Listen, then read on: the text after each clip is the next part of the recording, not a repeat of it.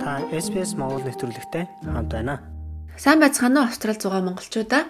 Бид 7 хоног бүр Австрал дахь монголчуудынхаа түүх туршлагыг та бүхэнтэйгээ хуваалцдаг. Энэ удаад бид нэр хулан циркусийн үүсгэн байгуулагч Ган болдын ариун натаа ярилцсан. Төвний анх Австралд ирсэн түүх болон хулан циркусийн үйл ажиллагаа за мөн бидний өдөр тутмын амьдралд хэрэгтэй зөвлөгөөг түүнээс сонссон юм. Ингээд ярилцлагыг хүл авч сонсноо. SBS Монгол хэлээр бидний нэвтрүүлгийг Facebook сошиал хуудасаар бусдаа хуваалцаарай. Сайн байна уу ариун нагчээ? Бидний урилгыг хүлээж авсан танд маш их баярлалаа. За баярлалаа. Ярилцлагандаа урьж оруулж байгаа. Тэгэхээр хулан циркусыг ер нь Австралид монголчуудаа сайн мэднэ. Олон ч хүмүүс бас хүүхдүүдэд явуулдаг. Өөрсдөө ч бас энд очиж хичээлдэг байсан баг. За гэхдээ яг одоо багш маань ер нь хийм бэ? Австралид хизээ ирсэн бэ? Хулан циркусыг Австралид байгуулах болсон түүхийг тэр олгоо асууж амжаагүй мэдгүй байж болох юм.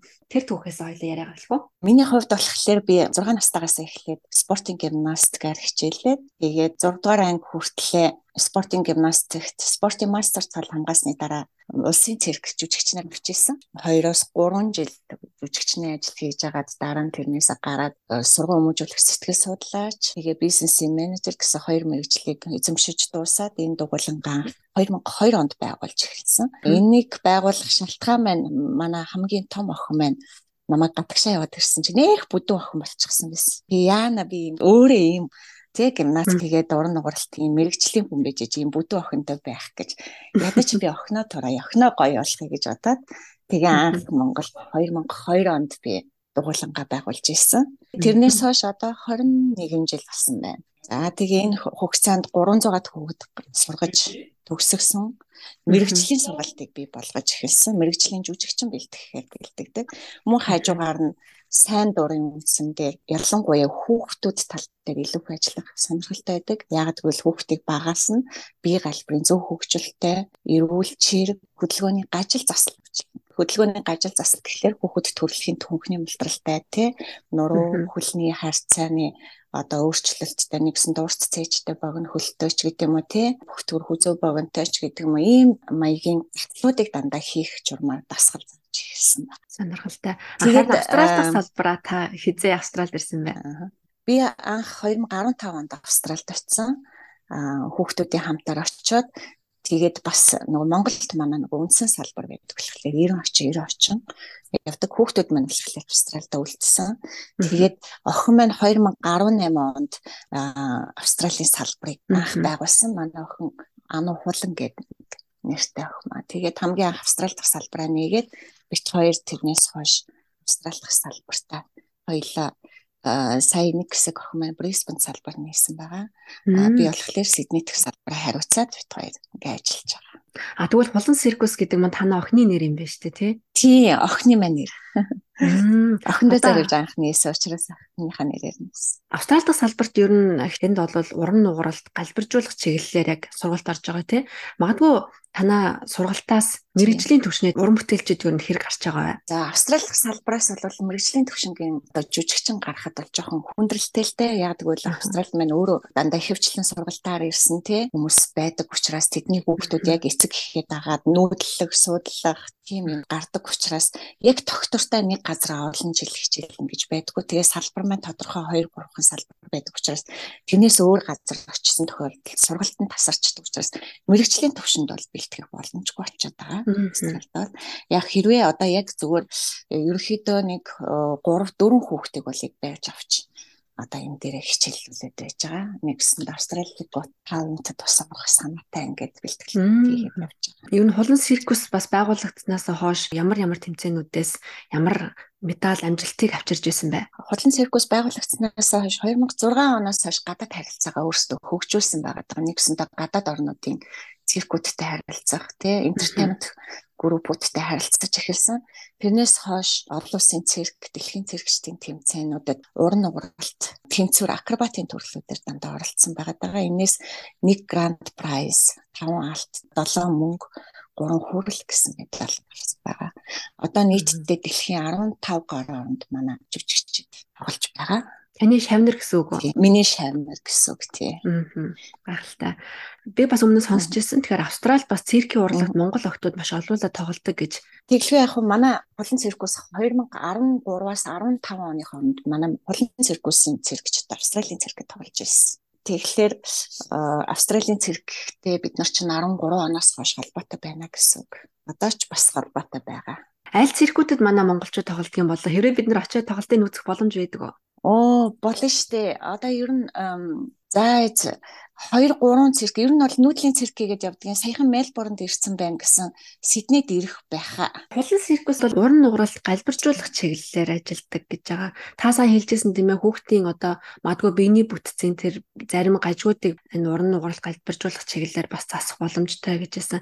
Ямар одоо боломжууд байдаг вэ? Ер нь бол одоо хулан цирк гэдэг нь заавал хулан цирктэй биш хүүхэд спортоор урлагаар хичээлсэн нэг нэгдүгээр маш их зохион байгуулалттай, төвчээртэй. Тэгээд цагийг зөв боловсон өнгөрүүлдэг болдог байгаа.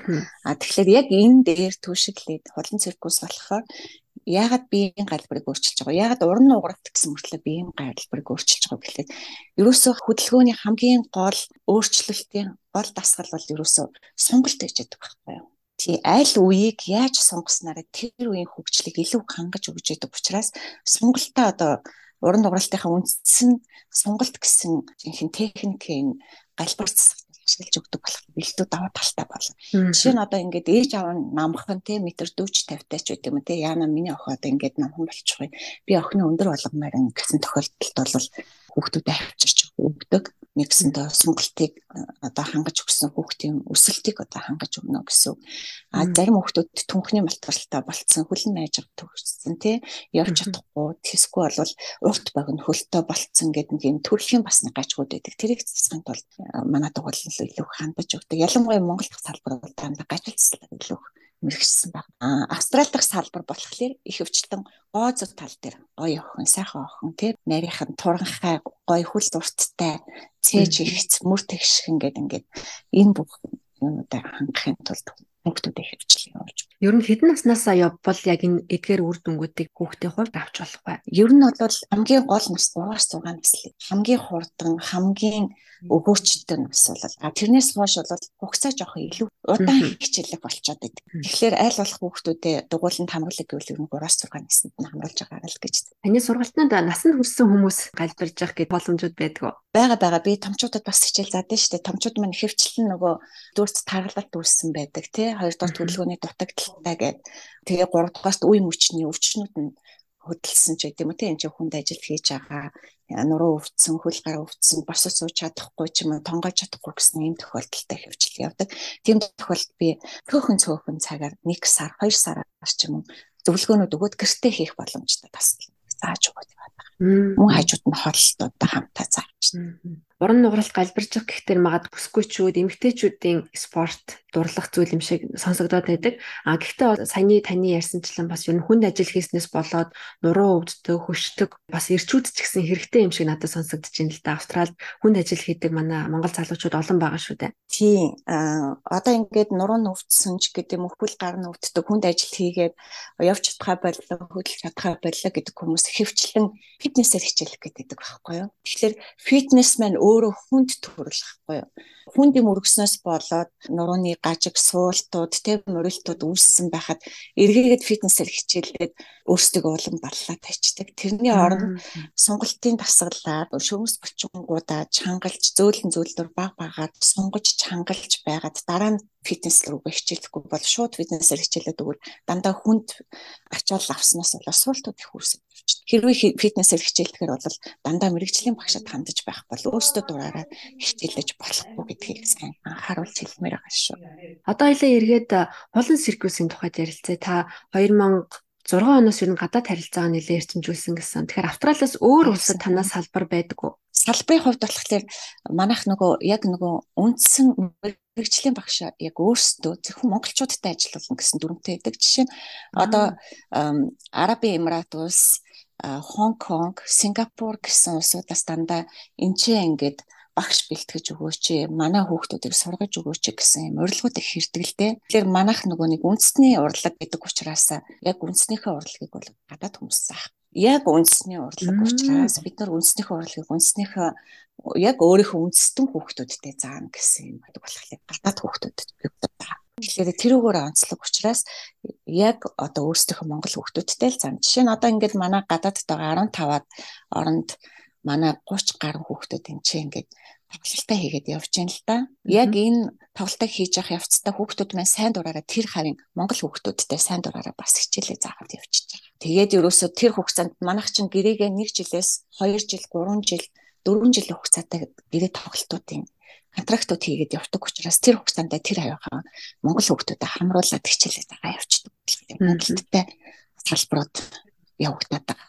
Үндэсний урлагаа яг үндэстэн дотор хангаална гэдэг бол бас нэг манай Монгол гэдэг хамгийн чухал юм багхгүй юу? Ерөөсөө л үндэсний урлаг энэ бол зүгээр л Монгол урлаг багхгүй? Зөвхөн монголчууд л хийх ёстой. Тийм учраас Монголын гайхамшиг байх ёстой гэдэг дээр л манайх зогсож энэ уран нууралт дээр монголчууд ийм уян хатан байдаг нь манай генетикийн тийм онцлог байна уу эсвэл багаас нь сургаж байгаа тэр арга барилд байдаг юм болов уу? Ер нь бол анх бол яг генетик тал дээр гэж их ярьдаг байсан л та анх уран нууралтыг. А тэгсэн яваа явандаа энэ хөгжсөөр байгаад энэ генетикээ арга барил болгож авчихсан. Нэгсэндээ ер нь бол монголчууд бол уян налархаа байх боломжтой гэх юм хүмүүс. А энийг арга барил болгоно гэдэг нь уян налархаа төрөлхийн уян налархаа биш ч гэсэн энэ хүүхдийг уян хатна ингэж хөгжүүлж чадна гэдгээ бариад авцсан тийм мундаг юутай арга техниктэй болсон. Та одоо Австралид байгуулсан салбараа ирээдүйд ер нь ямар байдлаар төсөөлж харж байгаа вэ? Ямар ч лээсэн тэнд байгаа хүүхдүүдэд яваа яваандаа яг зүгээр олон хүмүүс хамруулахтай гол нь биш. Ер нь бол хүний одоо хүссэн галбарт нь хөгжүүлэе л гэж бодоод байгаа. Одоо энэ хүүхэд өнөөдөр би ийм болмоор байна гэвэл яг тэр хэмжээнд өнөөдөр хөгжүүлэхийг л хүсэж болно. Хамгийн гол нь ээж аав нар өөрсдөө их тууштай байх хэрэгтэй. Ер нь бол хүүхдүүд их тууштай штэ. Эцэг эхчүүд л юм туушгүй байдаг. Явуулах явуулахгүй гэл ингэдэг. Тэгэхээр хүүхдүүдийн энэ ирмэлцлийг айгүйх дэмжиж өгөж хүүхдүүдэд явуулж явах юм бол илүү амжилтанд гарах юм. Уран нууралт гэдэг маань урлагийн талдаа орж ийн эсвэл спорт тал руугаа орох уу? Урлаг спортын нэгдэл.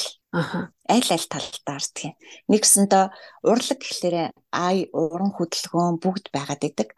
Спорт гэхлээр хүнд хүчний өсрэлт те давхарлага тэр бүгдээр ороо явж. Тэгэхээр урлаг спорт хоёрын нэгдэл нь. А нөгөө талаасаа бас эрүүл мэндийн ач холбогдлыг харсан ч гэсэн биднэрт бол байнгын ер нь тэр сонголт бол маш хэрэгтэй юм шиг байна тийм. Маш их хэрэгтэй. Жишээ нь одоо Азийн орнууд яагаад ингэж урт наслаад байна гэж мэдхөө. Одоо энэ дандаа сонголтын дасгалууд хийж байна. Энэ сонголтын булчин шүрмсийн сонголтын дасгалууд нь болохоор хүний биеийн тэр коллагеныг өөрөөсөө бий болгож Тэгэхээр энэ сонголтын дасгалуудыг тогтмол хийгээд явхлаа хөгшрөлт удаан явагдана гэсэн. Тийм учраас энэ Аз Азийн Япон, Солонгос, Хятад гэсэн орнуудын урт наслалт энэ дээр тогтчих идэв. Айхалтай бид нар юу нь бас хөгшөрч өгдөггүй хөшиж өгдөг гэдэг тэгээд уран нуурал яг тий уран нуурал сонголт болоод бас бидний амьдралд зайлшгүй байх хэвээр бидний дадал болгох хэвээр зүйл юм шиг байгаа. Хоёлаа энэ ташин манай сонсож байгаа хүмүүстээ маш энгийн нэг арга зааж өгвөл ямар вэ? Өдөр тутам та хөнхөө маш үр дүнтэй байж болох нэг тасгалыг та манай сонсогчдод хэлж өгөөч гэвэл болохгүй яах вэ?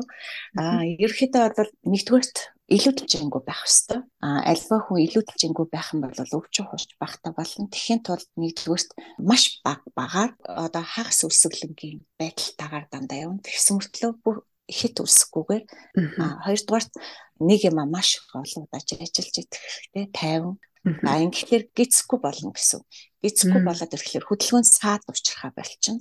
Хөдөлгөөнд саад учрахгүй байна гэдэг нь танд ямар ч хөдөлгөөн ихэд саадгүй нэгдүгээр хоёрдугаар нуруунд дээр ачаал өгөх нь багасна тургахаа болно гэсэн үг байхгүй юу? Нуруунд дээр ачаал үүсэхгүй хөдөлгөөн хангагдаад ирэхлээрээ ямар ч хөдөлгөөнийг дуурайч хийх боломжтой болно. Жишээ нь одоо би сандал дээрээ суухдаа сандалныхаа 3-1 дээр гисээ татаад сууллаа гэхэд бусад хүмүүс хаашаага ингээд наллаад те хамаг биеэ сул тавиа сандал дээр суудаг бол ингээд нөгөө гисний одоо булчинг сул болгочихж байгаа байхгүй юу. Тэгэхээр ямар нэгэн байдлаар суугтаа дандаа ихс гисээ татаж суухлаар гисээ татна гэдэг нь нурууц их болж эхэлж байгаа. Тэгэхээр нурууны булчингуудыг чангараад ирж байна. Тэгэхээр нурууны булчин чангарна гэдэг нь нурууны суултуудыг бас бас хамгаалж. Ерөөсөө л энгийн дадлууд байх хэрэгтэй бид нар. Аа тэгээд аль болох орой унтахдаа хөлөө дандаа сайж хөвтөж явах хэрэгтэй. Нэг 20-30 минут саагаад унтахынхаа өмнө зургт үзэж байхдаа ч юм уу саагаад хөвтөж явах бол цусны эргэлтүүд нь тархилт гарч ирнэ гэсэн. Тэгэхээр тархины судасны хангамж сайжраад ирэхлээр оюун ухааны хөгжил юм уу юм мартах ч юм уу толгой тарих өвдөх ч юм уу тархины цусны хангамж муудахаас сэргийлээд эхэлж байгаа. Учираас мөнхийн залуугаараа байна гэсэн. За тэгээд орондоо хөвтж явахдаа зургтаа үзэж явахдаа хүнжил дотор ороод хүнжил дотор гидснийхээ тасгалыг бас хийчих болно. Хоёр хөлөө ээлжлээд нэг нэгээр нүргөөд тасгалаж игээр нь шулуу өргөө тасгалаа хийгээд явчихна. Нэгсэндээ хоол идчихээд бид нар ихэвхтэй айгуулаа шууд орондоо орж байгаа. Тэгэхээр зурагтаа үзээд хөвтөж байхдаа дасгалаа хийгээд явхлаар гидсний дасгал хөлний гуйны булчингийн дасгалтай хамт хийгдэж байгаа учраас хоолны шингэцэн дээр буцаад ажиллаад эхлээд шөнө унтахад тусаад болж эхэлж.